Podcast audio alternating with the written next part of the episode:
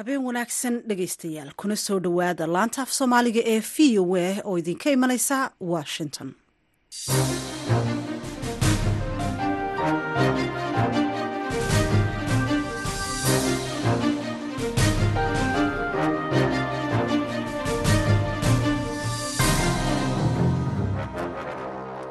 waa fiidnimo salaaso ah saddex iyo tobanka disembar labada kun iyo labaiyo labaatanka. Waxaad naga dhagaysanaysaan mawjadaha gaagaaban hirarka efemyada geeska afrika iyo caalamka o dhan ood nagala socotaan bogga internetka v o somaali com. Afrikada bari saacaddu waa toddobadii fiidnimo.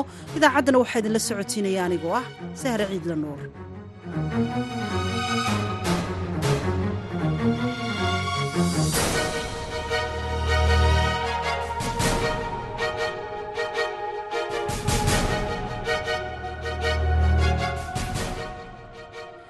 qodobadaad ku maqli doontaan idaacaddeenna fiidnimona waxaa ka mid ah. Falanqayn ku saabsan qodobada laga filayo in lagaga wada hadlo shirka maanta ka furmay magaalada washington d c ee ay iskugu yimaadeen madaxweynaha maraykanka jo biden iyo hogaamiyeyaasha badi waddamada ku yaalla qaaradda afrika. Ma jiro dan ay ku midaysan yihiin afrika oo la tegayaan laakiin xuuraan hoose oo jira waxaa weeye in ay doonayaan iyagana maraykanka inay u sheegaan inay doonayaan xiriir wax wada qabsi oo xurmad ku dhisan. Waxaa kale oo aad maqli doontaan barnaamijkii galka baadhista oo maanta ku saabsan howlgallada militari ee ka socda qaar ka mida gobollada dalka soomaaliya. Arrinta waayahan waxaa socotay dacaayaad dad qaarkood siyaasiyiin yihiin oo dad waaweyn aan moodaynay ay diidayaan al-shabaab in lala dagaalamo waxay leeyihiin qabiilooyin baa la hubeeyey. Qabiilooyin baa xagga la sameeyey. Qabiilooyin baa waxaa la sameeyey. Waxaas waa been wey qodobadaasi iyo kuwo kale oo soomaalida iyo caalamka kaleba ku saabsan ayaad dhegaysan doontaan marka horese warkii dunida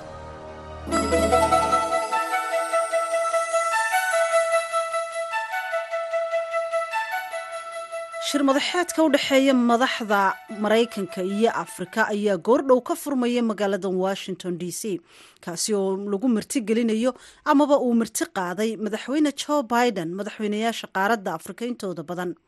Ku dhowaad konton hogaamiye oo afrikaana ayaa ka qaybgelaya shirkan oo diiradda lagu saarayo arrimo ay ka mid yihiin dib u eegista xidhiidhka labada dhinac kor u qaadista iyo xoojinta hay'adaha dawliga ah ee waddamada ku yaalla afrika caqabadaha ka hortaagan dhinacyada caafimaadka dimuqraadiyadda maamul wanaagga iyo maalgashiga isbeddelka cimilada ayaa ugu waaweyn qodobada lagaga wada hadli karo. Sarkaal u hadlay dowladda maraykanka ayaa sheegay in kulanka lagu lafaguri doono ballaadhinta iskaashiga maraykanka iyo afrika horumarka danaha labada dhinac iyo qodobo kale. Madaxda ka soo qeyb gashay shirkaasi waxaa ka mida madaxweynaha soomaaliya xasan sheekh maxamuud dowladda etoobiyana waxay sheegtay inay ballaadhin ku samayn doonto islamarkaana ay kor u qaadayso dadka muwaadiniinta ah ee la sheegay in baadhitaan lagu sameynayo tirada dadka u dhintay dagaaladii halkaasi ka dhacay.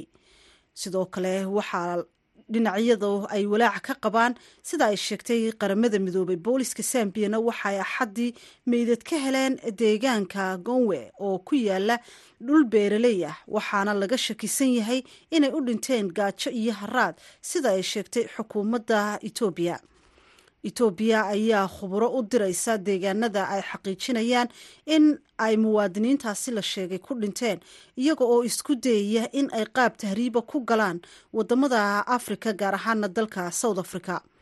Booliiska sambiya ayaa sheegay in baadhitaano ay sameeyeen ay ku ogaadeen in dhammaan dadka dhintay ay ahaayeen rag da-dooduna ay u dhexaysay labaatan ilaa sideed iyo soddon sano jeer tahriibayaashan etoobiyaanka ah ayaa intooda badani waxa ay isticmaalaan islamarkaana ay sii maraan jid ka gudbaya dalka sambiya marka ay u socdaan dhulka south africa halkaasi oo halis badan ay ku wajahaan. Baarlamaanka midowda yurub ayaa maanta u codeeyey in uu xilka ka qaado mid ka mida madaxweyne ku-xigeenadiisa eva kely sababo la xidhiidha fadeexado musuq maasuq oo lagu soo oogay mas'uulkaasi baarlamaanka ayaa codayntan lix boqol iyo shan iyo labaatan mudane ay ka qayb galeen. Waxaa diiday oo keliyata hal mudane. Waxaana sidaasi lagu ansixiyey inay xilka laga qaado miss kalili waxaana ka mid ah lix qof oo ay xidheen booliska dalka beljum taasi oo qayb ka ah baadhitaanada ku saabsan musuq maasuqa afar ka mid ah ayaa dacwada lagu soo oogay halka laba kalena la sii daayey qareenka kaleyli u hadlay ayaa ku adkaystay inaanay wax dembi ah gelin. In ka badan toban qof oo isugu jira carruur iyo dad waaweyn ayaa la sheegay inay u dhinteen boqolaal kalena ay la ildaran yihiin cudurka shuban biyoodka kaasi oo ka dilaacay magaalada dhobley ee gobolka shabeellaha. Isku duwaha wasaaradda caafimaadka ee jubbaland ee degmada dhobley nuur biixi cismaan ayaa v o eda u sheegay in xaalad darani ay ka jirto magaalada iyadoo ay sii kordhayaan tirada dadka uu soo ridanayo cudurkaasi. Cusbitaalka waxaa sidoo kale la dhigay in la dhigay in la soo sheegay in la dhigay boqolaal ruux iyadoo ay jiraan dad kale oo guryaha lagu dabiibayo. Dadka cudurkani uu saameeyey ayaa u badan barakacayaashii abaaraha kaga soo barakacay deegaanadii ay hore ugu sugnaayeen ee soomaaliya. Intaasina dhegeystayaal waxaa ku eg warkii dunida.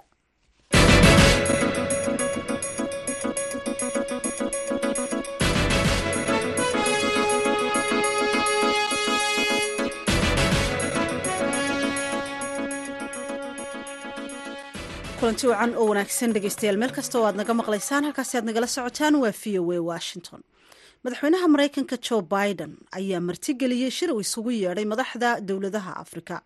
Shirkaasi oo goordhow ka furmaya magaalada washington d c waxa uu socon doonaa ilaa shan iyo tobanka bishan. Waxaa kale oo inta badan madaxda afrika iyo qaarkood ay soo dirsadeen madaxweyneyaal iyo kuwo kale oo mas'uuliyiin sare ay ka soo qayb galeen haddaba iskaashiga maraykanka iyo soomaaliya iyo weliba qorshaha maraykanka ee shirkan waxaa warbixintan inooga diyaariyey xaaroon macruuf. Shirkan waxaa madax u soo dirsaday dhammaan waddamada qaaradda afrika marka laga reebo afar wadan kuwaasi oo kale ah burkina faso maali geni iyo suudaan afartaasi wadan oo ay militarigu xukunka hayaan qaarkoodna sanadkan gudihiisa uu afgembi ka dhacay soomaaliya waxaa shirkan u matalaya madaxweyne xasan sheekh maxamuud oo washington yimid markii labaad tan iyo intii dib loo soo doortay. Haddaba sidee xilligan loo qiimayn karaa xiriirka maraykanka iyo soomaaliya? Xaliime ismaaciil ibraahim xaliime yeri waxay muddo dheer soo ahayd xubin firfircoon oo ka mid ah bulshada rayidka iyo guddoomiyaha guddiga madaxa bannaan ee doorashada qaranka. Xiriirka soomaaliya iyo maraykanka qiimeyn oo sahlan ma aha maxaa yeele wax muddo dhow bilowday ma aha wax wakti hore bilowday waay oo aada u dheer. Muddooyinkii ha noqoto dowladihii ay soo jiray. Muddadii burburku dhacayna runtii waxay ahaayeenba barnaamijkii weynaayo store hope ee hogaaminayeen oo soomaaliya lagu badbaadinayay. Ilaa madaxweynihii bush uu yimaado uu xeryihii qaxootiga yimaado dadkii soo dhexgala waxay ku muujinaysaa xiriirka iyo iyo danaha soomaaliya iyo maraykanku ay wada leeyihiin intii dambe oo haddana dowladihii la dhisaayay oo dhan waxaan xusuustaa shirkii ugu horreeyey ee lagu qabtay ardis ababa oo la isugu keenayay markaasito qaybihii kala qaybsanaa ee jabhadihii iyo ururadii iyo la iskugu keenayay. Shirkaas ay ku lahaayeen kaalin weyn maamulideeda soo nooleynta soomaaliya. Marka wax saas u dheer waaye hadda oo la joogana waxyaabo badan ay ka shaqeeyaan intii ay dowladihii kala duwanaa ay soo jirtay oo soomaaliya lagu taageerayo si ay u istaagto. Madaxweynihii hore ee maraykanka barack obama ayaa shir noocan ah u qabtay hogaamiyaasha afrika marka laga hadlayo iskaashi dhow oo maraykanku uu la yeesho qaaradda afrika sannadkii labada kun iyo afar iyo tobankii. Madaxweynihii isaga xilka uga dambeeyey donald trump shirkan oo kale kuma marti qaadin madaxda afrika xasan cabdi kaynaan waa qora iyo khabiir ka faallooda arrimaha geeska afrika. Horeyna wuxuu ugu soo shaqeeyey qaramada midoobay. Waxa uu aaminsan yahay in madaxweyne joe biden uu qayb ahaan soo kabayo faaruqii soo galay xiriirka afrika iyo maraykanka xilligii uu talada hayay madaxweyne trump. Madaxweynaha maraykanka joe biden waxaa ka horeeyey madaxweyne trump.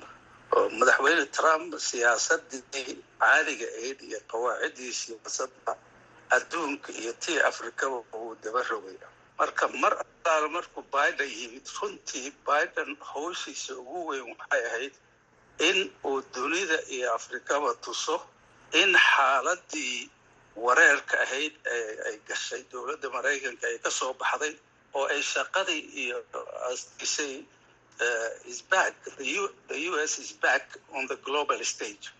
dowladda maraykanka oo shirkan martigelinaysa waxay sheegtay in qodobada lagu lafagurayo ay ka mid yihiin abuuritaanka iskaashi waxwada qabsi oo dhinaca dhaqaalaha ah horumarinta nabadda iyo amniga maamul wanaagga dimuqraadiyadda xoojinta caafimaadka iyo helitaanka cuntada qalalaasaha isbeddelka cimilada dunida iyo qodobo kale.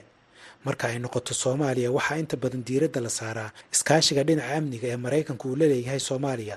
Haddaba maxay yihiin dhinacyada kale ee ay wax ka wada qabsan karaan maraykanka iyo soomaaliya xaliime ismaaciil ibraahim xaliime yari mar kale.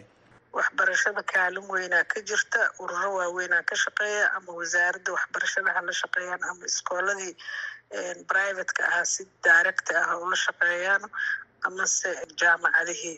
Waana meelaha ugu waaweyn oo ay ka imaan karto degenaansho dowlad dhisid iyo muxuu ahaa ka qayb qaadashadii horumarkii. Maxaa yeelay diyaarinta la diyaarinaayo dadka loo diyaarinayo aqoonta waxay tahay ku imaanaysaa hogaan hogaamiyaasha inay ka soo baxaan iyo dowladihii runtii intaan ogahayna shaqooyin fiicanaa ka socda maxaa yeelay xog ogaalaan ahaa anoo arrimaha bini aadanimada ka shaqeynaya oo gobol joogo aan ogaa wixii laga qabanayay. Waxaan xasuustaa xataa iyadoo iskooladii ay suuroobi weysay in meelaha degmooyinka in laga qabto oo loo diidayo ilmaha inay wax bartaan isla dugsigii dhexdiisa in iskool looga furo oo macalinkii lagu abaalmarinaa dugsigii joogay si ilmaha wax loo baro. Dhanka human rightska sidoo kaleeto organizationna waaweynaa jooga oo civil societygii la shaqeeya oo kala shaqeynaya ilaalinta xuquuqda bini aadanka ilaalinta xuquuqda ilmaha oo yaryarka ah ilaalinta xuquuqda ilmaha waxaa ka mid a xataa ilmaha inay waxbarasho helaan si ay indhahooda u furmo iyo aqligooda iyo qalbigooda uu u furmo. Midda doorashada kaalin weynaa laga qaata aniga sideedii sano ku dhowaadkii aan guddiga doorashada madaxa banaan guddoomiye ka ahaa u s aidku si runtii muuqata ay nagala shaqeeyeen sidaan u fulin lahayn howlaha doorashooyinka xasan cabdi kaynaan oo ka faalooda arrimaha maamul wanaagga iyo horumarinta ayaan mar kale weydiiyey qodobada uu maraykanku sidiisaba uu mudnaanta siinayo marka ay timaado xiriirka afrika. Afrikase sideedaba ma isku wada danba xiriirka maraykanka uu la leeyahay afrika guud ahaan wuxuu qayb ka yahay xiriirka maraykanka uu la adduunka. Badankiisana wuxuu soo bilowday wixii ka dambeeyey dagaalkii labaad ee adduunka wuxuuna ka bilowday qaab ah tartanka soo baxayay ee ka dhexeeyey bariga galbeed. Yuu ku bilowday. Mar walbana wuxuu xooggiisu ahaa mid la xiriira ciidamada iyo amniga iyo diblomasiga ayuu ahaa. Hadda markii maraykanka uu sagaashameeyadii ruushkii uu burburay shinana aanay kor u soo kicin. Runtii maraykanku wuxuu u muuqday inuu noqday quwadda keliya ee jirta. Laakiin waxaa soo baxay duruufo kale oo ay ka mid tahay in runtii shiinaha uu noqday dal xawli la yaab le xagga militariga iyo dhaqaalaha ku socda oo runtii maqaamkii dowladda maraykanka ee ahaa inay tahay quwadda keliya jirta. Halis geliyey. Ruushkii oo la moodayay inuu iska baaba-ay oo iska dhammaadayna isagiina uu soo laba kacleeyay marka stiil weli waxaa la dhihi karaa waxaan la yidhaaho tartanka quwadaha waaweyn weeye fariisinta runtii xiriirka afrika iyo ka dhexeeya maraykanka. Maraykanku hadda madaxweyne biden wuxuu sheegay in uu taageeri doono in midowda africa ay xubin joogto ah ka noqdaan wadamadan dhaqaalaha hore uga maray ee laysku yidhaahdo g marka maxay soo kordhinaysaa tallaabadaasi oo kale dhinaca muraayado kala duwan ayuu maraykanka afrika ku eegayaa ma aha baahida waddan walba gooni uga jirta. Mana jirto dan afrika midaysa oo la isku raacsan yahay oo ay ula tegayaan maraykanka. Laakiin waxaa jira oo maraykanka uu daraynayaa mawcidyada waaweyn ee siyaasadda adduunka laga maamulo oo ay ka mid tahay jamciyadda qurumaha ka dhexaysa gaar ahaan golaha amniga ee jamciyadda qurumaha ka dhexaysa oo runtii iska hor imaadka ruushka iyo shiinaha iyo oo isdhinac wada jira iyo maraykanka oo dhinaca jira ay runtii muujiyeen in waxba aanay u socon karin dunidii oo waxba aanay xallin karin oo maraykanka ee aad iyo aad u adkaatay inuu arrimo markii hore u fududaan jiray oo si fudud ku xalliyo ma jiro dan ay ku midaysan yihiin afrika oo la tegayaan laakiin xuuraan hoose oo jira waxaa weeye in ay doonayaan iyagana maraykanka inay u sheegaan inay doonayaan xiriir wax wada qabsi oo xurmad ku dhisan oo aynu maraykanka keliya aanu noqonin meesha keliya ee xiriirka ay la leeyihiin afrikana guud ahaan iyo gaar ahaan bay u madax banaanaato dowladahan kale ee waaweyn gaar ahaan shiinaha iyo iyo ruushka inay xiriir la yeeshaan. Shirkan dhex maraya madaxda maraykanka iyo kuwa afrika ayaa imanaya xilli ay caqabado waaweyn ka jiraan dunida. Ha ugu horeeyo dagaalka ukrain cudurrada faafa ee waddamo badan ragaadiyey. Abaaraha ku habsaday meelo badan oo ka mid ah qaaradda afrika oo ay soomaaliya ugu horrayso iyo isbeddelka cimilada oo loo aqoonsaday inuu yahay mid ka mid ah qalalaasaha dabiiciga ah ee ku horgudban bani aadminimada aad buu mahadsan yahay haruun macruuf oo warbixintaasi nala socodsiinaya halkaad ka dhagaysanaysaan waa v o a washington. Dhinaca kalena dowladda maraykanka ayaa la filayaa in ay soo bandhigi doonto sida ay uga go-an tahay inay iskaashi qoto dheer ay la yeelato qaaradda afrika iyadoo u ballan qaadaysa shan iyo konton bilyan oo dollarka maraykanka sida uu sheegay la taliyaha amniga qaranka ee madaxweynaha maraykanka jack sullivan. Warbixin amuurahaasi ku saabsan waxaa inoo diyaarisay anita bawel oo v o a ka tirsan waxaana soo koobaya xuseen barre aadan la taliyaha amniga qaranka ee madaxweyne biden ayaa sheegay in maraykanku uu shan iyo konton bilyan oo dollar ugu deeqi doono afrika inta lagu guda jiro saddexda sane ee soo socda.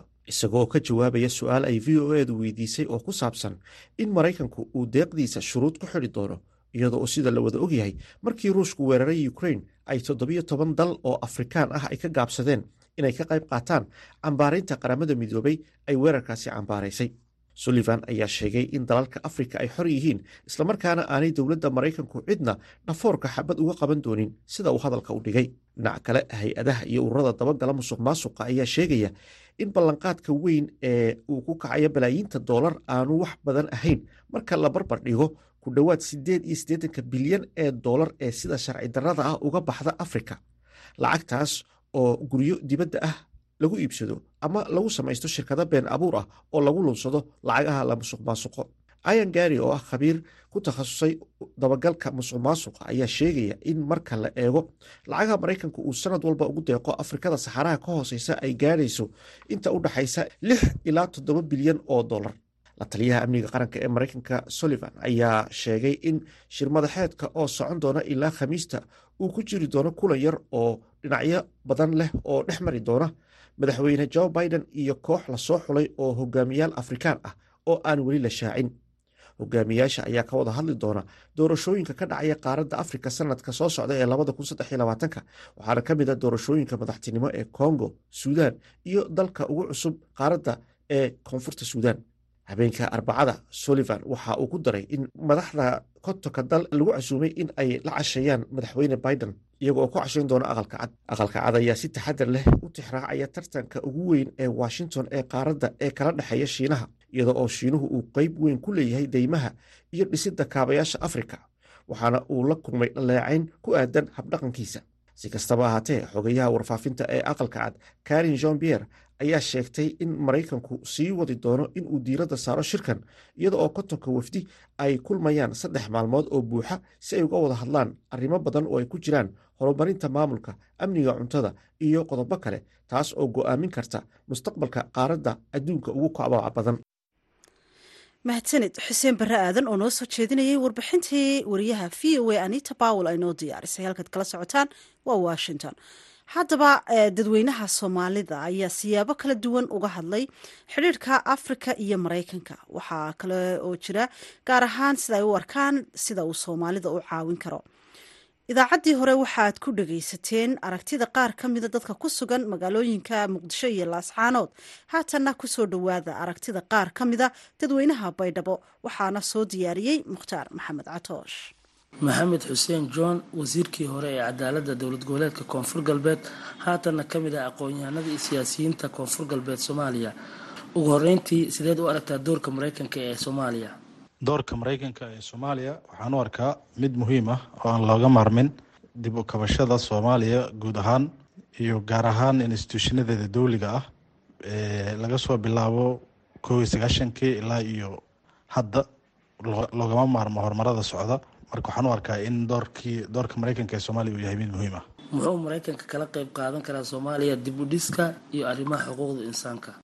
Waxaan u arkaa in maraykanka uu soomaaliya kala qaban karo arrimaha dib u dhiska iyo xuquuqul insaanka ama xuquuqda aadanaha waxyaabo badan oo ay kow ka tahay marka laga hadlayo dib u dhiska amniga dib u dhiska dhaqaalaha ama horumarinta dhaqaalaha waxbarashada iyo wax walba oo dalkan dib loogu dhisi karo.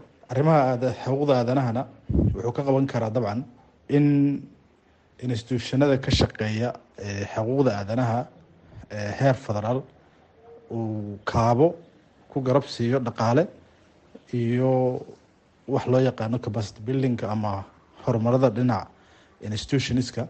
Ugu dambeyn fariinta aada u dirayso madaxweynaha maraykanka john biden maxay tahay? Fariinteena ku aadan wax soomaaliya loo qaban karo la wadaagno dowladda maraykanka ama master biden. Waxayna ka mid tahay fariinta in dowladda maraykanka ama master biden uu dowladdiisa ay garab buuxdo siiso dowladda soomaaliya gaar ahaan marka laga hadlayo dhinaca amniga oo hadda shaqo badan ay ka qabanayaan. Hadday noqon lahayd duqeymaha hadday noqon lahayd tababaridda ciidamada qaar. Marka iyo mashaarsiintaba marka waxaan aada fariinteena ugu aadin lahayn in amniga uu dowladda federaalka si fiican ugala shaqeeyo si dalkan uu cagihiisa ugu istaago mustaqbalka dhow insha allah. Shukri aadan. Sideed u aragtaa doorka maraykanka ee ku aadan arrimaha soomaaliya doorka maraykanka ee soomaaliya waxaa waaye in maraykanka uu soomaaliya uu ku leeyahay door aada u fara badan oo ay ka mid tahay maraykanka wuxuu sameeyaa yacni ciidamo waxaa jiro oo maraykanka soomaaliya u joogo. Sidoo kale ciidamo waxaa jiro maraykanka ay tababar u sameeyaan. Sidoo kale dowrar badan oo waxaa jiro maraykanka uu soomaaliya ku leeyahay waa tahay muxuu maraykanka kala qeyb qaadan karaa arrimaha dibudhiska iyo xuquuqda aadanaha? Maraykanka soomaaliya wuxuu kala qaban karaa dib u dhiska dalka iyo arrimaha xuquuqda aadanaha. Maraykanka soomaaliya wuxuu awoodaa inuu ka caawiyo in cunaqabateynka laga qaado dhanka hubka ah maadaama wadanka soomaaliya dhinaca hubka uu ka saaran yahay cunaqabateyn sidoo kalena soomaaliya ay dagaal kula jirto argagixisada al-shabaab. Sidoo kale mareykanka soomaaliya wuxuu ka caawi karaa in soomaaliya dhaqaale ahaan oo kaleeto dhanka dhaqaalaha maadaama soomaaliya boqolkiiba toddobaatan ay yihiin dad dhalinyara dhalinyaradiina aanan wax shaqaa haysanin. Marka dhaqaala haddii la helo dhalinyaradana waxay heli doonaan shaqo si ay ay tahriibka iyo dhibaatada ay waddamada kale ku haysto ay ay u joogsato. Ugu dambeyn marka fariintaad u dirayso madaxweynaha mareykanka john biden maxay tahay? Maadaama uu yahay madaxweynaha ugu awooda badan ee waddamada adduunka waxaan u diri lahaa in soomaaliya uu xiriir fiican la yeesho wadanka soomaaliya maadaama uu iska ahaa dee wadan intaasoo san iska burbursanaa waxaan ka codsan lahaa ama fariintaan u diri lahaa waxay tahay in dhanka dhaqaalaha uu naga kaabo sidoo kale dhanka hubka uu naga kaabo dhanka waxbarashada iyo caafimaadka ee fariintaasaa u diri lahaa. Cabdulaahi cusmaan maxamed sideed u aragtaa doorka mareykanka ee soomaaliya? Dowladda mareykanka maadaama ay tahay dowlad weyn oo adduunka o dhan u talisa ay tahay soomaaliya waxay ku leedahay saameyn weyn. Mar walibas mareykanka dhawaqa ka soo yeera soomaaliya wuu saameeyaa. Wax badan ay kala shaqeeyaano xagga tababarada ciidamada sida beladoogla camal had ciidamo badan oo maraykana jooga oo ciidamada soomaalida wax badan ka caawiya. Marka door aan la iloobi karin kaalin mugla ayay ku leeyihiin hadday tahay dib u heshiisiinta. Haddii khilaafaad dhacay hata cidda loo qaylo dhaaminayo waa dowladda mareykanka waaye. Marka saameyn togan ayay ku leeyihiin. Muxuu mareykanka kala qeyb qaadan karaa soomaaliya arrimaha dib u dhiska iyo xuquuqda aadanaha waxaan isdhihi karaa wax badan ayuu kala qeyb qaadan karaa. Sababta waxaa weeyaan mareykanku maadaama ay tahay dowlad weyn dhaqaalana leh soomaaliduna ay tahay waddan soddon sano burbur saameyn xoogle uu ku yeeshay xagga qabiiladii dagaaladooda. Marka dib u dhiska kaalin mugle ayuu ka qaadan karaa hadday tahay laamiyadii kobaca dhaqaalaha wadanka dhinac walba marka ciidanka dhismihiisa marka door weyn oo muhiim ah ayuu maraykanka barnaamijkan kaga qayb qaadan karaa soomaaliya. Dhinaca xuquuqul insaanka wax loo baahan yahay waaye waa wax hadda taagan waaye marka idan la mid waaye waa soomaalidu baahida ugu weyn ay qabtay ka mid tahay. Kuwaasi waxay ahaayeen qaar ka mida dadweynaha ku dhaqan magaalada baydhabo oo aragtidooda ka dhiibanayay xidhiidhka afrika iyo dalka maraykanka oo maanta uu shir uga bilowday madaxda qaaradda afrika iyo madaxweynaha maraykanka mukhtaar maxamed catoosh ayaa mikrofoonka la dhex maray halkaad naga dhegeysanaysaan waa washington.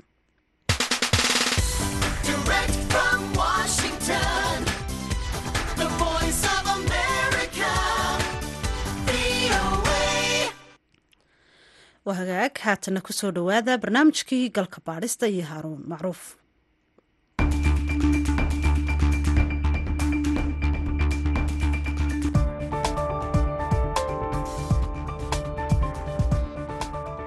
shantii bishan disembar ayay ahayd markii ciidamada dowladda soomaaliya ay galeen magaalada aadan yabaal oo ah magaalada ugu weyn ee gobolka shabeellada dhexe ee weli ku jirtay gacanta ururka al-shabaab. Hase yeeshee ciidamada dowladdu waxay galeen magaalo cidlo ah oo ay ka baxeen al-shabaab. Waxaa kaloo magaalada ka baxay dadkii rayidka ahaa ee magaalada ku noolaa. Sarreeye guuta cabdulaahi cali caanood waa afayeenka ciidanka xoogga dalka soomaaliya.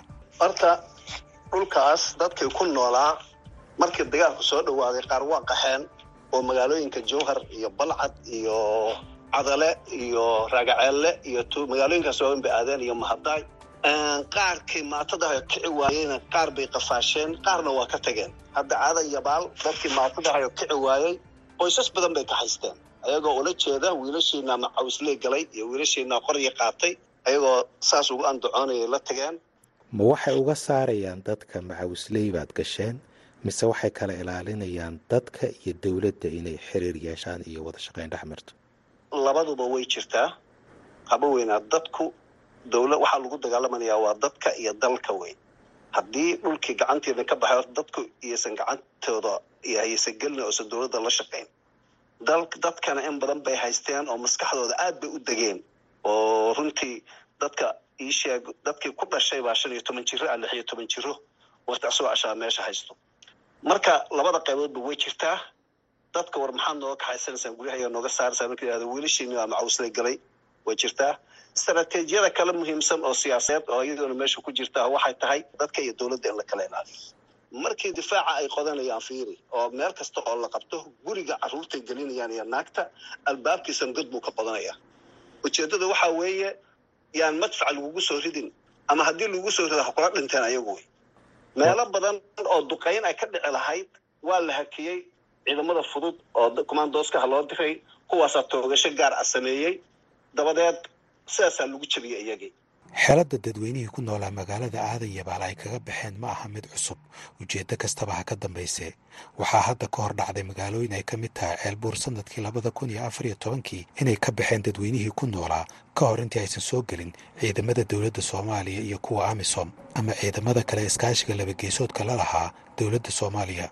Nuur xasan guutaale waxa uu ku magacaaban yahay guddoomiyaha degmada ceelbuur inkastoo ay weli gacanta ugu jirto ururka al-shabaab horta sida la ogyahayba dhusmareeb iyo ceelbuur waxaan u soo soconnay shan habeen xilligaas. Shantii habeen ee aan soo gurguuranaynay ciidamaduna waxay ahaayeen ciidamo etoobiyaana soomaali waxaanu ku ahayn lix iyo labaatan iskii iyo aniga toddoba iyo labaatankaasaan ku ahayn wax soomaali ah. Sidaas awgeed ma jirin wax annaga kalsooniyahoo dadku ay nagu qabi karaan xilligaas shabaabkuna waxay kaga faa'iidaysteen xilligaas dadkii ayay u sheegeen qaabka annagu aan u naallo iyo soo gurguurashadeeni.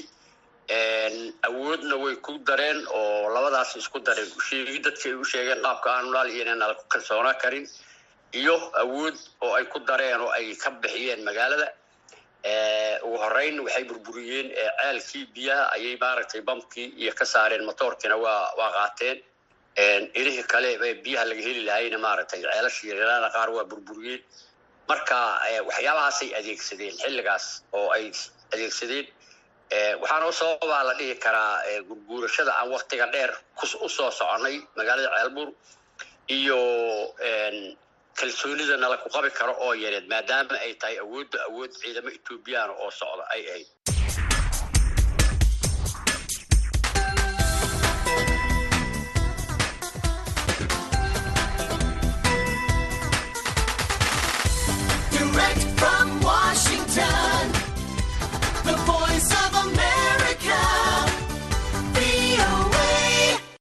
fiid wanaagsan dhegeystayaal ku soo dhowaada barnaamijka caweyska dhaab oo idinkaga imaanaya laanta afka soomaaliga ee v o a raydiga xeryaha dhaab ee gobolka waqooyi. Bari barnaamijka toddobaad walba waxaad ku dhegaysataan laba mawduuc oo ah kuwa ay ugu hadalheynta badan yihiin bulshada ku nool xeryaha qaxootiga dhegeystayaasheena dhaab iyo deegaanada ku xiran waxay barnaamijka ka dhageysan karaan muwjada fm-ka ee v o a hal eber todobo dhibic lix meega hartis barnaamijkeena caaba waxaan uga hadli doonaa xaaladda ay ku nool yihiin dadka naafada ah ee ku nool xeryaha dhaab ee dalka kenya iyadoo dhowaan dunida laga xusay maalinta naafada adduunka.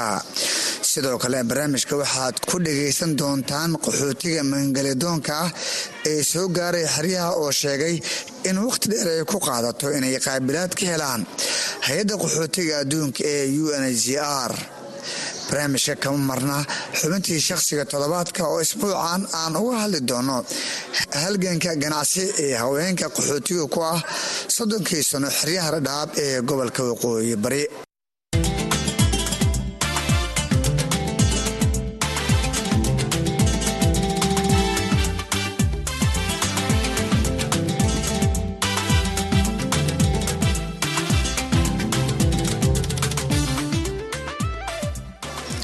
barnaamijka waxaa idinla socodsiinaya anigoo ah cabdisalaan axmed cabdisalaan salas oo ku sugan xeryaha dhaab ee gobolka waqooyi bari. Aan ku bilaabo qodobka ugu horreeya barnaamijkeenna caawa xeryaha dhaab ee dalka kenya waxaa ku nool kumanaan qof oo naafo ah oo ka mida bulshada qaxootiga ku ah kuwaas oo lixaadooda ku waayay xanuuno dabiici ah dagaalada sokeeye iyo shilal ay la kulmeen iyadoo dadkaasi naafada ah ay u badan yihiin kuwo aan awoodin inay ka xoogsadaan suuqada xeryaha si ay u soo dhacsadaan qutulyoonka maalinlaha ah. Haddaba iyadoo toddobaadkan dunida laga xusay xuska maalinta naafada adduunka ayaan barnaamijkan caaba waxaan ugu koorgeli doonaa nolosha qarsoon ay ku nool yihiin dadka naafada ah ee ku jira xeryaha dhadhaab xasan axmed cabiib wuxuu lixaadiisa ku waayay dagaaladii sokeeye ee ka dhacay dalkaas soomaaliya.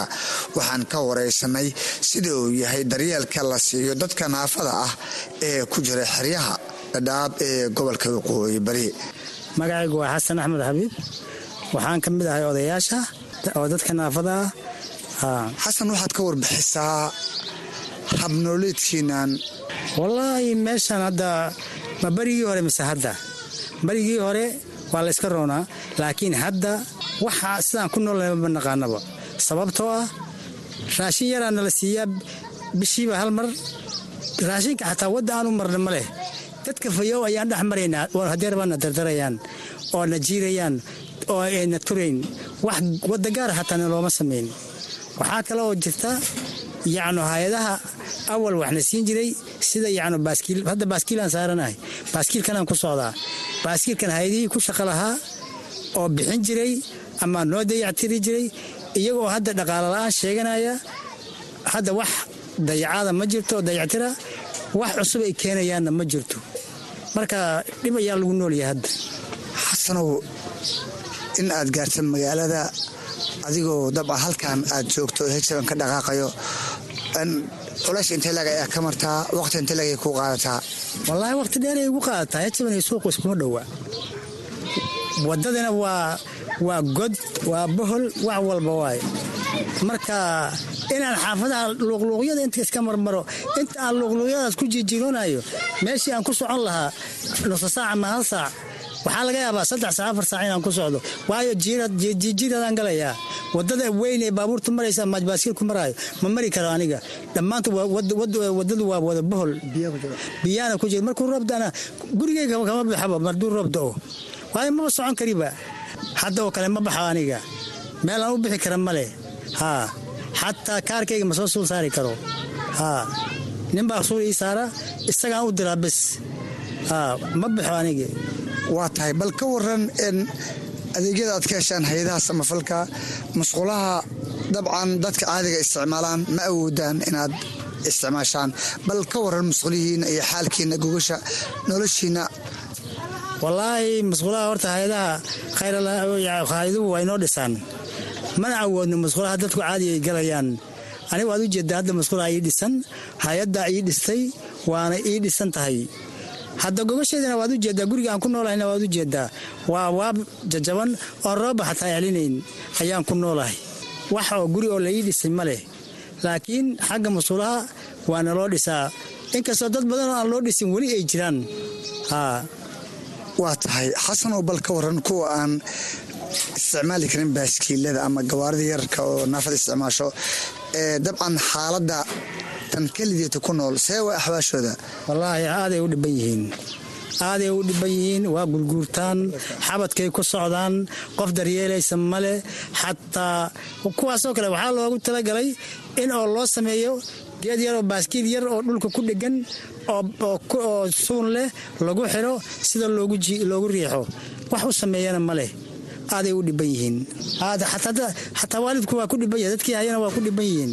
Sababtoo ah qof weyn ma qaadi karaan ma xambaari karaan meel ma geyn karaan?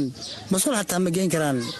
Qof daryeelaysa dhinaca kale bulshada naafada ah ee ku nool xeryaha oo fursadda waxbarashada ee bilaashka ka faa'iiday soddonkii sano ee xeryaha ku noolaayeen ayaa sheegaya inaysan fursadaha shaqo u sineen dadka lixaadooda qaba iyo ayaga oo naafo ah iyadoo fursadaha badan ay sheegeen in la siiyo dadka lixaadooda qabaa waa kan cabdiyare aadan oo arrintaasi ka waramaya waad ku mahadsantahay cabdisalaanow aniga waxaan ka mid ahay dhallinyarta oo xeryaha xerooyinka dhadhaab soddonka sano oo joogay dadka waxaanahay dadka wax ku barteen. Walaalow horta waa ogtaa soomaalida qofka sidiisa markuu curyaan yahay waa la faquuqaa fursado badan ay qaxootiga yaalan oo hay'ado badan ay joogaan oo shaqooyin baa soo baxaan.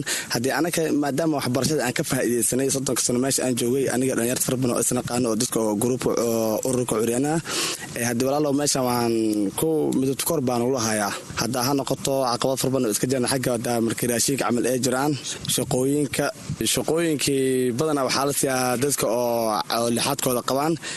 Anaka hadda curyaam haddaan ahay shaqo ma helno waxaa jiraan shaqooyin fara badan oo hadda ninka curyaanka uu qaban karo. Haddii la dhigo meel oo waardiya la dhigo irid la fariis oo iridan bes fur la dhaho hadda iridoo dadka ka galaan mid kaweyn oo gawaarida maaha wuu furi karaa.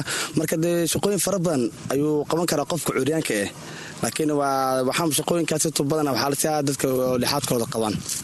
Waa tahay weli dhibkiinaan haydaha ma la wadaagteen si caqabadan xal loogu helo? Cabdisalaan horta mar walbaan doodnaa hay'adaha irbaabal baan garacnaa.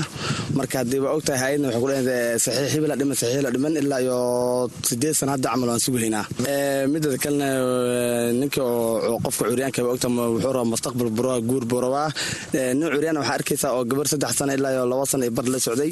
Haddii markii beri la'aan waalidka war ninka curyaanka sayidhataa nin kale oo lixaadkiis qabo ayaa boodka isku buuxinayaa. Marka waa iska dhiban yihiin oo caqabadaha. Ururkiinan ama dallada aad ku maysateen dadkii naafada ah ma jiraan fursado aad ku fikirteen inaad noloshiina wax ku bedeli kartaan ood ku midaysantihiin horta cabdisalaano mar waxaa jirtay oo sidaas la siman jiray oo xarada ay lahayd guddiyaal fiican ay lahayd laakiin hadda sanadii uu dambeeyey ma jiraan waa tahay. Maxaad codsanaysaan marka maadaama tihiin bulsho nool oo aan la difiri karin? Haddana ummaddii ku dhiban. Cabdisalaan horta soomaalida waa ogtahay dhaqan oo waxay qabaan caadi cun ee waddooyinka dhamarkaamilano madaxey iley gacmey yaa curyaanka jeeri janno ma galo tuuriyo marka walahi horta waa iska bada iyo soomaalida. Inaan ummadda aan ka mid noqono waa muhiim. In la jeclaadana waa muhiim. Soomaalida kooda dhibanna ha caawiyaan aad buu u mahadsan yahay. Kaasina wuxuu ahaa cabdiyaare aadan oo ka mid a dadka naafada ee wax ku bartay gudaha xeryaha dhadhaab oo ay ugu waramay isla xeryaha dhadhaab sanadihii la soo dhaafay xeryaha dhadhaab ee dalka kenya waxaa soo gaarayay kumanaan qoys oo ay qayb ka yihiin bulshada naafada ah kuwaas oo aan daryeel iyo soo dhoweyn wanaagsan aan ka helin hay'adaha samafalka. Cabdisaaq maxamed faarax wuxuu u ololeeyaa xaquuqda dadka naafada ah waxaan ka waraysanay xaaladda ay ku sugan yihiin dadka naafada ah ee dhowaan ka soo barakacay abaaraha ka dhacay koonfurta soomaaliya. Isagoo xusay in loo baahan yahay in dadkaasi si degdega loogu gurmado maadaama ay yihiin kuwa aan haysan cunno iyo hooy iyo adeegyada kale ee aasaasiga u ah nolosha aadanaha magacaygu saddexan waa cabdirasaaq maxamed faarax runaantii waxaa jiraan dhibaato aad iyo aad u fara badan. Dad hadda waxaa jiraan buulabakti joogaan oo aad iyo aad u dhib badan oo naafo ah oon mataqaanaa wax wara laga haynin. Abaar iyo mataqaanaa rafaad badan iska jiraan.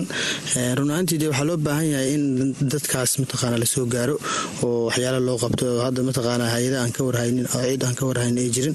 Marka ani waxay la tahay dadkaas in si deg dega lagu gaaro mataqaanaa baaskiil ayay u baahan yihiin waxay u baahan yihiin mataqaanaa gurya u baahan yihiin in loo dhiso cunne u baahan yihiin waxyaalo fara badan ayaa iska jiro. Marka dadkaas in mataqaanaa si degdeg lagu soo gaaro ayaan aad iyo aad u rajeynayaa sababtoo ah waxaa jiraan dad aad iyo aad u tabardaran oo xanuuno iyo mataqaanaa shuban iyo babaada iska jiraa marka dadkaas mataqaanaa ma haystaan hoy ma haystaan oo meel ay seexdaan ma haystaan waa dad meel bannaan iska jiifo. Runaantii waa dad aad iyo aad u dhib badan. Haddii mataqaanaa ay meelihii hay'adihii aqaan lahaayeen ma yaqaanaan. Marka waxaan codsanayaa hay'adaha inay ayaga u yimaadaan ay soo booqdaan ay arkaan xaaladda dadkan haysato dadka curyaamiintan wax loo qabto baaskiiladan iyo waxaa la dhihi jiray waxyaala fara badan ay jira u baahan yihiin in la siiyo. Xitaa caafimaadkooda in laga warhayo waa wax aad iyo aad u muhiimsan. Meesha adeeg caafimaad ma lahan. Mataqaanaa dad maanta maxaa la dhihi jira oo meesha ka shaqeeya oo dadka caawinaya ma lahan. Nin walbaba mataqaanaa tiisun buu ordaya dadkaas masaakiinta oo bannaanka jiifo curyaamiinta ah. Waxaan codsanaya in si deg dega lagu soo gaaro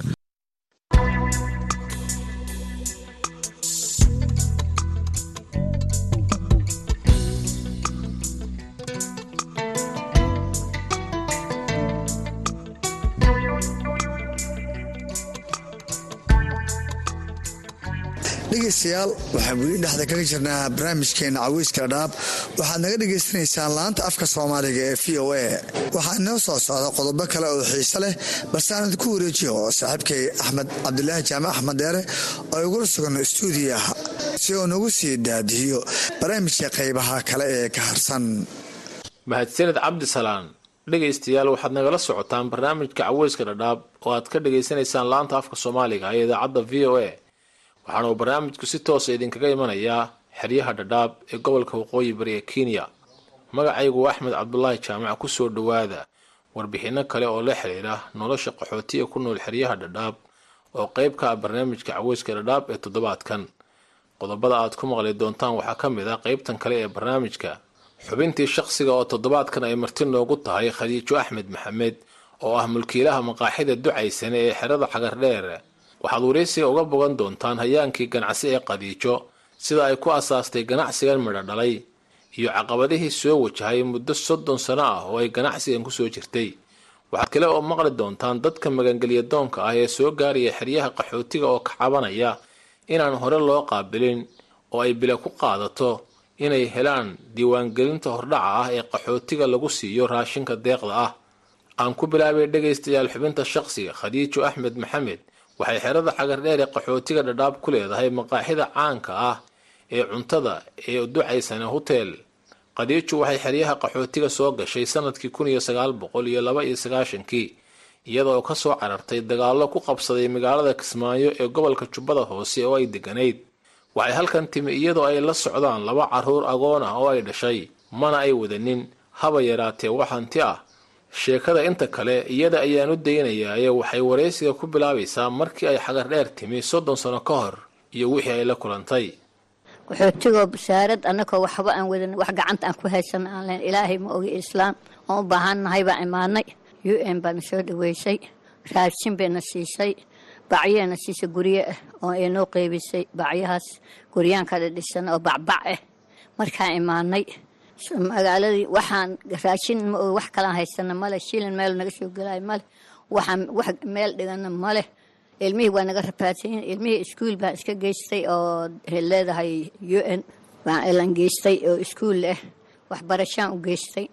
Anigii suuqaan iska galay waxaan siista male aniga ilmihii markaan imaado ilmihii waa agoon. Markaan imaado oo soo galo duhurkii aan shaqada ka imaado suuqaan soo warwareego ka imaado wax ana wadanin ilmihiina ay imaadaan labadayni waa isku oynaa waxaan dhana waxa uma haysateen xaggee wax ka doonnaa intay wax ka helnaa waddankayna waa ka soo qaxnay intaa imaanay maxaa haysanaa maalintii dambe suuqaan iska warwareegay keer baan tegey meel yaran busta dhigtay afriiqa yaroo digsiyaan soo qaatay shaahan ku kariyey shaahi bakeeriga shan shilin la gadaa shaaha shanta shilin ku gatay. Qaar deen bay iga aadeen maalintii dambaan ku noqday. Toddoba beri doorka socon jiray raashinka la qaadan jiray toddobada beri aan socday waxaan helay lacag konton shilin. Kontonkaygaan soo qaatay raashinkii aan gadgadan jiray oo aan kaarka markaan soo qaatay aan geen jiray suuqa raashinkii waan marka iskaaga dibiray kontonka shilin raashinkii wuu ii soo baxay. Raashinkii waxaan yeelaa marka canjeelaan ka qastaa suuqaan geystaa shaah yar baan karsadaa wixii waxaan wado maalinba wax baan ku daraa. Maalintii dambe waxaan ka gatay tarmuus. Tarmuuskii maalintii dambe habeenkii habeenkii dambe tuug baa ii imaaday tarmuuskii uga qaatay. Nin oo dariskayga ah oo hadda aan joogin oo dhintay baa wuxuu dhahay tarmuuskayga shaaha la iigu shubo kaa ka qaada khadiijo islaantayda islaantayaan u tagay walaa tarmuuska isiisa waa imaaday. Haddaan imaaday islaan kale ii imaatay iidan afriiq bay ii keentay. Sidaa maqaayadda shaasaa u karina canjeelaan ku bilaabay. Canjeelada waxaan wado muufaan ku bilaabay. Muufada waxaan wado bariis baan ku bilaabay. Baastaan ku xejiyey intii markaan wada kariyey oo aan joogo xoogaa fiican bila aan joogay ilmihii waxbarashadoodii haddana waxay iga noqotay inaan iskuulaha geey maalin walba markaa iskuulka geeyaan soo noqdaa ilaa saddex saac camal shaqada bilaaba subaxda hore ilmaha iskuulka geystaa waxbarashadan geystaa macalimiintan u tagaa ilmaha ii ogaadaan dhaha waa soo noqdaa maxaan galaa maqaayadeeda shidadeeda ganacsigaagii meela magaalada wax ugu dareed meelaha wax lagu gato dadku may lahayn oo boos maadan lahayn. Xageed wax ku karin jirtay shaaha iyo cuntada yar xagee ku karin jirtay guriga aska lahaa meeqo kuu karaysnaa wax caqabada makaa qabsatay? Booskii markii u horreysay booskiruu ahaay markaan keer ka soo noqod keer meel bannaana ahayd suuqaan imaaday magaaladan soo dhexgalay baa guri ka karaystay islaam baan ka karaystay islaamtii markaan xooga yar muddo aan u malaynayaa bil iyo laba bilood camal joogo oo aan maqaayadda shidanay islaantii baa ii imaatay iyadoo ii sheegin oo dhihin meel kale dadayo oo meel kale u guur aan dhihin. Galabtii dam waxaan arkay kareeto lagu wada alwaax. Jig maqaayadda horteedaa la soo dhigay waxaa la dhahay maqaayadan beriswax nin baa soo degaayo dukaanka dhiganaye ka guur. Saas mi ahaa waagi markuu ii bariyey. Nin baa ii imaado oo iga soo horjeeda meesha hadda aan deganahay ka soo horjeeda oo meeshaas deganay ninkii baa wuxuu dhahay meeshaan ma laguu korgatahaa? Meeshaydaan qashin iyo wasaq iyo wax bay leedahay haaqo nadiifso meeshaanaan kaa kiraynaya meeshaan qabsaday waan haaqday waan nadiifiyey. Meel la deganya ma ahayn. Qashinka dhan iyo wasaqda iyo qurinka dhanaan ka bixi. Nadiif baan ka dhigay. Iga kireeyaan dhahay wuu iga kireeyey meeshaasaan degay odaga oda fiican buu ahay. Uu i kaalmayn jiray. Ilmaha agoommo waay adeerow. Kiradan iska bixi meeshaadaana iska degan cid bixinaysa malehe odagii waa dhintay. Maalintuu dhintay ka waxaa ii imaaday ninkii lahay oo milkiya odagaa dhintay. Abti uu ahay ninkan leh. Ninkii lahay baa imaaday oo gaaris ka imaaday waxaa la dhahay ninkan galabta imaanayo nin kala ii sheegayo ninka soo socda galabta wuu imaana beec wey meesha waa la gadanaya. Haddaa lacag haysana keen haddaa lacag hayni waa iskaaga bixaysa anoo weliba haarsan baa gabar ii imaatay. Gabadhi waxay dhahday shirkadana waxaan ka soo qaatay lacag boqol dollar eh boqolka ee ii hay meelaan dhigta ma haystay caanaan ku gadgadana cunug yar baan haystaa maalin walba boqol shilin baan qaadanaya walaale intaan lacag maanta la ii haystaa guri kiradiis oo meeqa waay? Waa boqol dollar weeyo boqolka dollar waa lix kun oo kenya. Saas mi ahaa boqolkii baa markaa isiis ninkii suu u soo socday ridda hadduu iga soo galay boqolkiiaan ku taagay waxaan dhahay waa boqolkaada siduu iiga tahay guri hadda aan dhisan oo hadda xagar dheere maqaayadda iigu taal saasaan ku helay ka bacdi intay xarbadan galay dadaalkan galay. Dadaalka ilaahay guul buu igu siiyey. Maqaayadaas ii weynaatay waan gubtay. Mar labaadaan gubtay mar saddexaadaan gubtay. Wax caawis aan ka helay ma jirto heeyadahan may caawinin. Islaankayga ummadda nabi maxamed waxay ii siiyaan oo raashinka iga gataana ku dhisanay markaa keligaa baa shaqaynaysa meesha aad gadanaysay goorma ayay meeshu noqotay meel weyn oo dad ka shaqeeyaan shaqaalahaasay u kordhisay sideed ku fahantay inaad shaqaalo u baahan tahay. Bal sida ay ganacsiga yaraa ee keliga aad dabka shidaysay oo shaaha geynaysay oo cuntada geynaysay ood keliga ahayd uga soo gudubtay oo meesha ay u noqotay meel dad kale ka shaqaynayaan oo heerkaa u gaadhay. Waxaan reerkaas u gaaray. Horta dadaalkan badan jiray.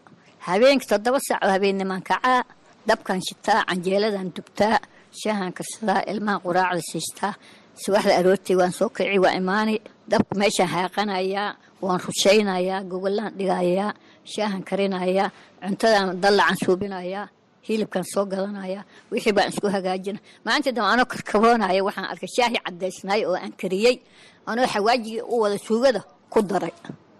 Shaahi khisaaruu noqdayo baaldi weynaada meeshaan shaahi dadka iga sugaya aw shaahi ma karay. Shaahi maxaa karaya xawaajigan ku daray dadkina uma aan sheegin waan dhaqay weelashii shaah kalaan kariyey markiiba shaahi aan u geeyey waan buursiye dadaalkaygaan badinay waan labalaabay maradaydan dhexda ku xirinay waxaan dadaalo dadaalo wuu gaaraaye. Dadaalka waxaan ku gaaray maqaayadda inaan dadaalo oo ii weynaato.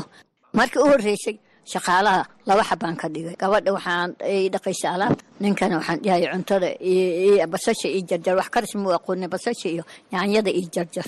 Midkii soddon shilin baan ku shaqaalaysiiyey nimankii soddon soddonka iyo gabadh labaatanka shilin aan ku shaqaalaysiiyey ilaahay xugmay inay lacag badan qaataan shaqaalihii iibtaan.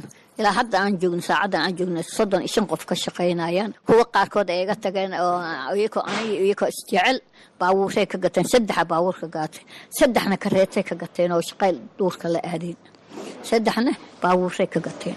Intii kalena qaar dhoofayay noqdeen. Kuwa kale maalin walba kuwaan keenaa markaan karuud bixiyo oo shaqo helaanba way iga tagaan. Kuwa kalaa imaanaya oo karuud oo waxbaan aqoonin waan shaqo baraa markay shaqada bartaan haddana waa iga tagaan. Iyakoo aniga iyakoo isku xanaaqsaneen oo isjecel bay iga tagaan. Dadka aad baad u caawisaa bal ka waran sidee baa dareenkaagu yahay inaad dad badan ka caawiso meeshan? Maxaa dareen? Waan jecla inaan caawiyo aad baan u jeclahay. Ilaah baa isiiyey ilaahayga isiiyaan kuma hariyaa. Mahad iyo shukri asigaa iskale ilaahay xoolahan isiiye oo shalay ana la'aan oo ceer ah inta imaad marka ceertaydan soo xasuustaa gaaran u hayaayo kaniimaa la siiyaa daawada n r c ee siisaa daawada kaniinkaa qabanaya marka inuu rafaadsan yahan arko daawada uu qabato carabka u angega arko qofkaas waxaan dhaha wax biyo qabow siiya wixii cuni karo cunto siiya meel fiican fadhiisiya kii fadhiga taagnaashada wax ku cuni waay fadhiisaan dhihi kii kale bac baa ugu ridaa waxbaa weel baa ugu ridaa waxaan dhaha kac soo qaday marka mar walba wixii masaakiin oo el nugul inaan siiyaan jecla haddana waan siinaya hadduu ilaah yiraa ka soo qaadkana ilaah baa gabagabadaan ku soo dhownahay xerada shaqala-aanaa ka jirta dadku waxay ka shaqeeyaan bay laayihiin sidee u aragtaa adiga oo haweena oo adoo qof dumaroo laba carruura wata xeradan soo galay in maanta soddon iyo shan qof ama ka badan ku dhawaad afartan qof shaqa abuur ad u samayso meesha u soo shaqo tegayaan subaxdii iyagoo reerooda ka biilanayaan.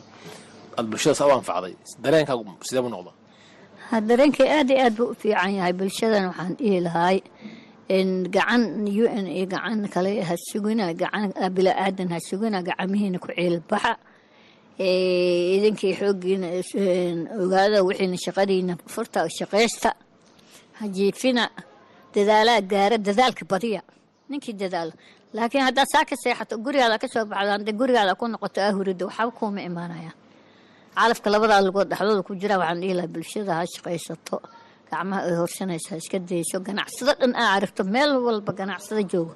Dheefay dhib baa iga sokeeye dhal dheef dhibkaas waa in la mara marka hore oo la samraa oo shaqada la qabsadaa. Taasi waxay ahayd khadiijo axmed maxamed mulkiilaha maqaaxida cuntada ee ducaysana ee xagardheer oo marti igu ahayd xubinta shakhsiga oo qayb ka ah barnaamijka caweyska radhaab ee toddobaadkan. Dadka magangelyadoonka ah ee ka soo cararaya abaarta iyo colaada ka jirta gobollada dalka soomaaliya qaarkood ayaa ka cabanaya inaan hore loo qaabilin markii ay xeryaha yimaadaan. Waxay sheegeen inay bilo ku qaadato in la siiyo kaadhka hordhaca ah ee qaxootiga cusub lagu siiyo raashinka deeqda ah. Iftiin axmed cabdi waxa uu qoyskiisa oo ka kooban sideed qof la taagan yahay afaafka hore ee xafiiska hay'adda u n h c r ee xerada xagardheer wuxuu barnaamijka caweyska radhaab u sheegay in kadib laba bilood oo ku soo noqnoqonayay xafiiska u n t ee xagardheer aanu weli helin qaabilaad marka laga reebo waraaq ballan ah oo caddaynaysa inuu yahay qaxooti cusub laakiin aanu ku helaynin wax caawimaada. Waxaan filnaa in hor layga qaabilo liisoo dhaweeyo boos la isiiyo la idejiyo kaarkii faraha layga saar manifesteeda waxoo dhan qaxooti ahay amangelyo la isiiyo intiina ma arkaba. Oo yaran meeshan laba bilood waan ku socdaa. Haddee dhib iyo rafaad iyo wax kama jiraan isdawareeg waxaan u soo kacay dhib iyo rafaad iyo gaajo iyo abaaro. Halkaa markaan la kulmay dandardara isqaymays boos la'aan bac la'aan aqal hooriyan ku jira ilaa hadda. Xooggan baan iskaga noolaayay magaaladan. U n kaar iyo boona iyo wax baa la bixinaa la yidhi ilaa haddaan iska dawareeghaynaa meeshan laba bilooda mar hayaane laakiin boona ku sugaa hadda lii siiyey. Oo dubays camal siiyo intii laga aqbalaanaya camal. Ilaa amar dambo sii haysatan wax raashin aan ku qaatay ilaa hadda ma laha. Iftiin waxuu ka soo qaxay magaalada beledweyne ee xarunta gobolka hiiraan. Wuxuu ahaa beeraley. Abaarta ayaa ku qasabtay inuu u soo cararo xeryaha qaxootiga. Wuxuu codsanayaa in la caawiyo waxaan ilaahay ka codsanayna u s r ka codsanayna in samo shacabka ay danayso oo waxay u qabtaan mas'uuliyiinta magaalada. Ayagaa ilahay ka soo soo mas'uul ah. Shacabka iyo bulshada iyo masaakiinta inay u daneeyaan wax u qabtaan aan jeclahay. Anu waxaan jeclahay inaan lii qabto inaa boos la ii siiyo oo kaar la ii siiyo oo rafiijiya ka mid noqto ummaddii soomaaliya shacabkaan ka mid noqto maryan cabdi saal waxay ka mid tahay boqolaal dada oo ku xoonsan albaabka xafiiska hay'adda u n h c r ee xagardheer waxay sheegtay inay muddo toddobaadyo ah sugaysay in la qaabilo ilaa haddana aanay waxba haynin. Waxaan ka soo kacay ifmadow meel ladho dhoolooy baan halloodii waa iga dhammaatay tagsigaan soo raacay islaam baa i soo saaran badanaan ku imaaday labiiyo toban cunug baana ani iyo ilmahayda koo iyo toban cunug ani waxla dhashay waxaan aan dhalay. Meeshan isniinta horaan isniinta baan imaaday talaadadii baan goostay baahanihi waraaqda xumed intii cagadi sidii ilmaha dhoobada artay roobka artay u jiidi dad walaalahan kor saaranhay ee trii baan joogaa. Wax maxay ahayd rafaad iyo dhib iyo xariir iyo dhib ciidiislaan kor taagno guri xunoo bacay saaxo sida caduun baa meesha ugu dhammaan meesha haddaa imaanana waxba aan ku haysanama waa kol abaabka laguu soo turi ilmihii lagaa layn iyo kol lagu dardari. Maryan waxay hay'adda u n h c r ka codsatay in dhaqso loo caawiyo. Waxaa codsanaynaa in kaarkii nala siiyo nala caawiyo oo ama guryo nala dejiyo ama maxay aheeday kaarkii nala siiyo cidaha aan dul saarana laga dulqaado waxaan u baahannahay un inay sidac noo dhaanto oo meeshana dhaafiso oo waraaqdii ay na siisay kaar nagu siiso oo islaamkaan kor saarannahay aan dhibnay ayna dul dhaafiso. Dadka magangelya doonka ah ee aan weli la qaabilin waxay culays muuqda ku yihiin dadkii hore ugu noolaa xeryaha qaxootiga oo markii horeba aanay ku filayn kaalmada bini-aadannimo ay ka helaan hay'adaha samafalka. Dhegaystayaal intaa ayuu inoo ku egyahay barnaamijkii caweyska dhadhaab ee toddobaadkan.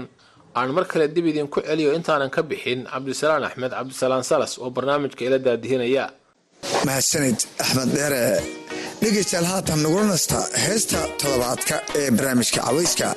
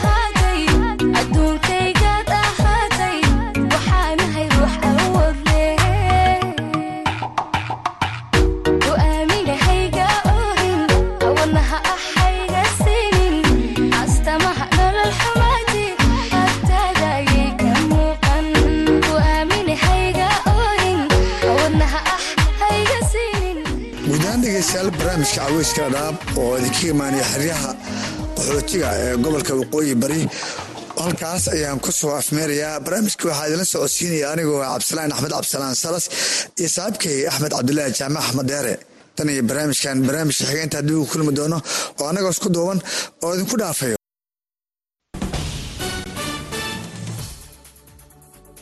This is VOA News.